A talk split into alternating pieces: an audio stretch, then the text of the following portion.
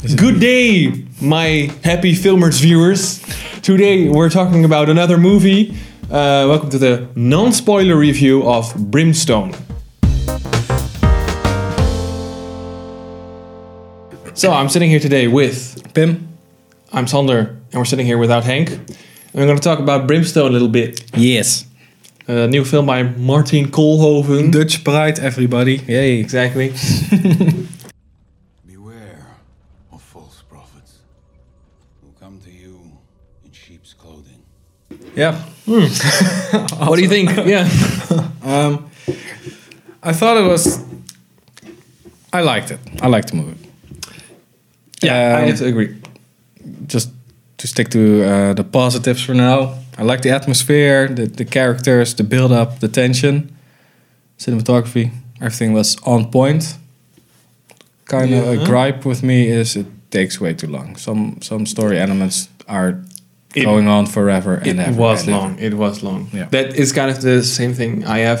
Uh, I enjoyed the fact that they split it up into four different chapters. That's how Yeah. the story is told. I like that way of storytelling, like having separate chapters, like kind of mini stories that tell one big story. Yep. Um, but I find myself, I found myself kind of wanting to move on to the next chapter every now and then because it just it took a long time Yeah, to get from A to B. Yeah. Sometimes. some of the stuff was just filler. It didn't add anything to the story, Yeah. and at, yeah, the atmosphere was good enough to kind of keep moving forward. You don't have to reestablish everything again. No, exactly. chapter. Yeah. So yeah, Um, Dakota Fanning yeah, was kind of the. I think the, I think she was the main character. We could say, right? yeah, yeah. She's the main uh, main grill. Main grill. Um, Yeah. yeah. she was good. She didn't. She had her cut, uh, tongue cut out, so no War of the Worlds uh, Mhm. flashbacks for me. Yeah. No, I think because you said just earlier that you thought the acting was kind of meh.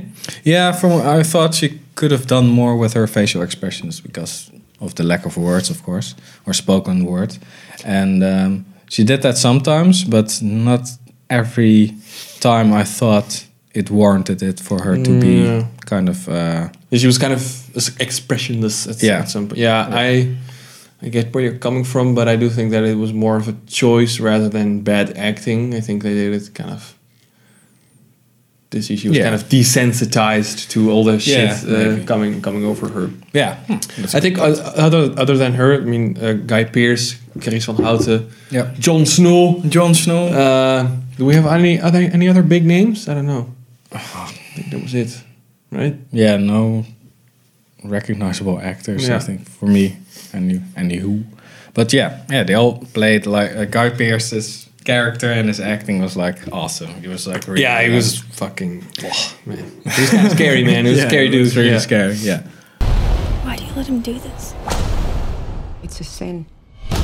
yeah. uh, I had to adjust to the fucking uh, Jon Snow talking in uh, Yeah, with his fucking Southern accent. Southern yeah, man, accent. that was Hello, weird. lady. Yeah, that that kind of threw me off, and that was one of the only things that threw me off, and that's sole reason because I because of Game of Thrones and Jon Snow. Yeah, yeah. For me, with a different he's kind of. I don't know. He's kind of having trouble with his career, I guess.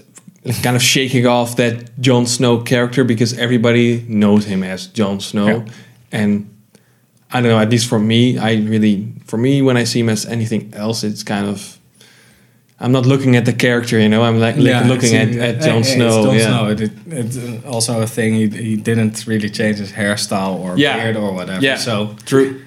he isn't an entirely different. Um, doesn't have an entirely different look from the Game of Thrones Kit Harington No, character. very Jon Snow true. character, yeah, probably so- because because of Game of Thrones, they have to Yeah. film the new the new shit. So he probably couldn't cut his hair off or No. shit like that.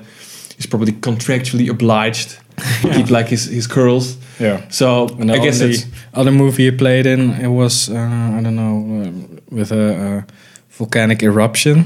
oh P- Pompeii. Pompeii, yeah, Yeah. and he looked also looked the same. So Yeah. it's kind also kind of the role you pick because those aren't modern settings, so there's Yeah. it's less likely to have perfectly cut hair and and no yeah, beard. that's that, that's true. But yeah, it could have been a like, it could have been a little bit. They could have diverted a little bit more. Yeah. Like the looks. I mean, it really was Jon Snow in a in a, in a cowboy uh, Oh, suit. yeah. You know. yeah, but I, I think because I want to talk about you about the story a little bit, but I think we really can't. No. I think if you say anything about the story at all, you kind of immediately ruin some of the surprises. yeah, yeah, because the trailer handled it pretty well with just showing bits Yeah. of it, but Yeah. not the I way uh, the story the story arcs or or it evolves. So Yeah. if we say something about that in this review, uh, it won't be spoiler free anymore. Yeah, exactly. So we won't be talking about that. I think other than that, I, mean, it's a, it's a, I wouldn't say it's a particularly violent movie. There's not a lot of violence, but the violence that there was was Yeah. pretty intense. yeah, That's- explosive and un- uncensored. Yeah, It's it also has a lot of um, yeah, traumatic experiences um, depicted. So Yeah. I think I think that's most of the where the I think the thing is that the, the violence wasn't normalized. Like it, there's not like in a fucking yeah, it's not in like, a shootout. yeah, or like in a Marvel movie where it's like a million guys all getting their heads chopped off, and Yeah. you, like, you know, all those guys that you have zero emotional attachment to. Like, Yeah. it's all like if somebody gets fucked, then it's somebody that is there, and you've built up kind of a relationship with over the course of the story, yeah. and it's never just violence because of violence. It's No, exactly. No, and there's a pretty big build up towards the the explosions of violence. So you Yeah, it also has adds It more, has more tension and, yeah. and has more weight to it than just the Magnificent Seven shootout. Yeah, oh, example. Fucking flashback right there. Sorry. PTSD think- you again. Yeah. I think maybe we should wrap it up then Yeah. because I don't really yeah, I really don't want to spoil it for people. It's really uh, it's kind of the way it unfolds is is pretty uh, pretty cool. Yes. So that marks the end of our non-spoiler review. Uh, if you want, you can also check out our other video in which we will go into all the details about the story. However, please don't do that if you haven't seen the movie because it's full of spoilers, obviously. So for now, please like and subscribe, follow us on all social media and stuff like that. Every social media. ever. And then um, see you in the next video. later.